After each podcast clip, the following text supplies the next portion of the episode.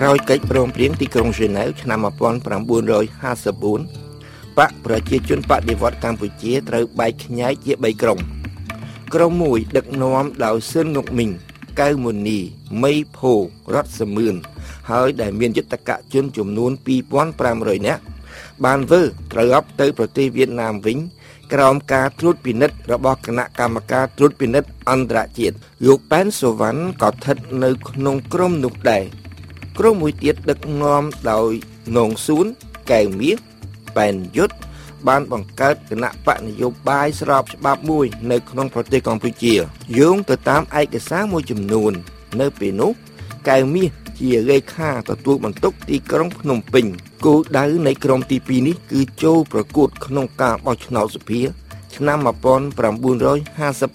ក្រុមទី3 គឺក្រុមដែលស្ថិតនៅក្រោមការដឹកនាំរបស់ទូសមុទ្រសៀវហេងនួនជា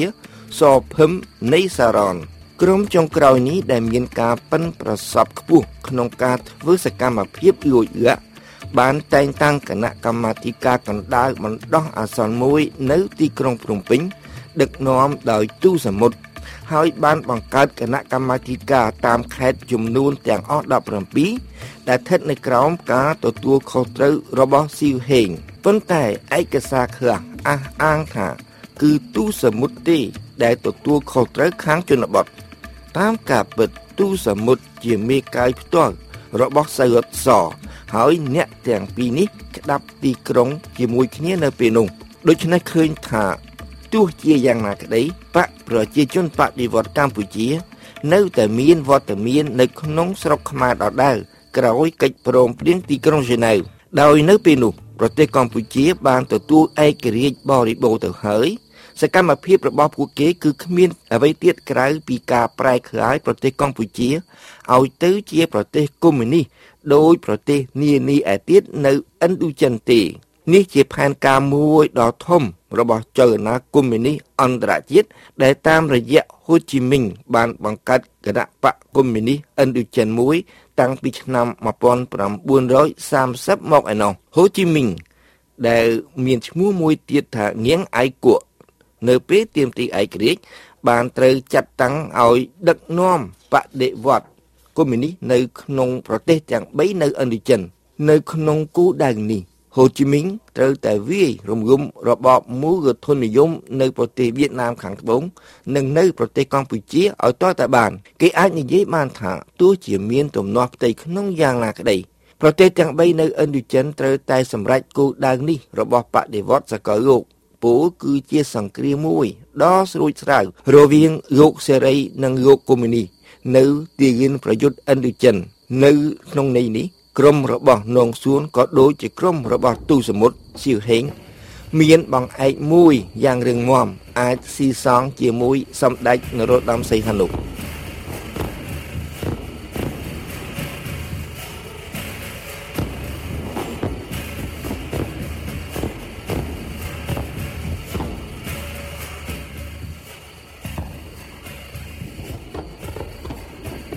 នៅខែសីហាឆ្នាំ1953គឺជិត1ឆ្នាំមុនកិច្ចព្រមព្រៀងទីក្រុងហ្សឺណែវសៅរត់សតាមរយៈអ្នកដឹកនាំបដិវត្តវៀតណាមម្នាក់ឈ្មោះផាំវ៉ាន់បា បានចូលមកក្នុងប្រទេសកម្ពុជា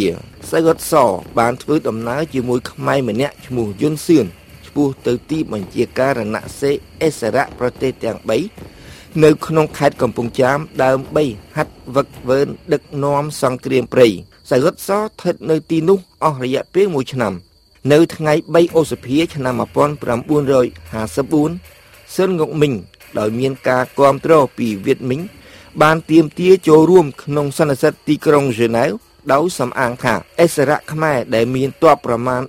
3500នាក់បានគ្រប់គ្រង1ភាគ3នៃទឹកដីកម្ពុជារួចស្រេចទៅហើយប៉ុន្តែខាងប្រទេសចិនឯនោះវិញ ដែលខ្លាចសហរដ្ឋអាមេរិកដាក់មូលដ្ឋានកងទ័ពនៅក្នុងប្រទេសកម្ពុជា គេពុំគាំទ្រសេចក្តីស្នើនេះទេ គឺសុកចិត្តរក្សាទុកព្រះមហាក្សត្រខ្មែរព្រះបាទនរោត្តមសីហនុ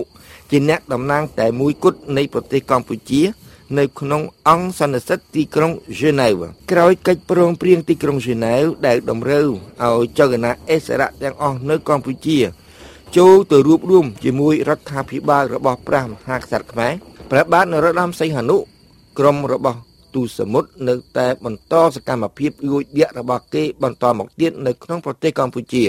តាំងពីពេលនោះមកពួកគេធ្វើការតស៊ូដើម្បីវាយរំលំព្រះមហាក្សត្រខ្មែរតែម្ដង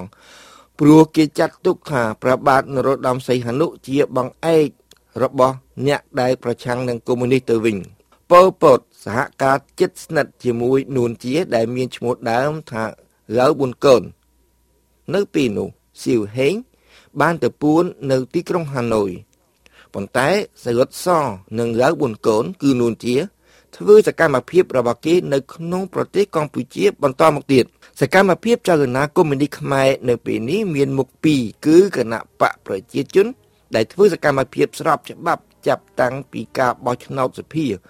នៅឆ្នាំ1955និងក្រមបកប្រជាជនបដិវត្តកម្ពុជា ដែលធ្វើសកម្មភាពដោយសម្ងាត់ដោយអស់ពេលវេលាខ្ញុំសូមស្ទះត្រង់នេះសិនចុះហើយនឹងនិយាយអំពីចលនានេះបន្តទៅទៀតនៅសប្តាហ៍ក្រោយ។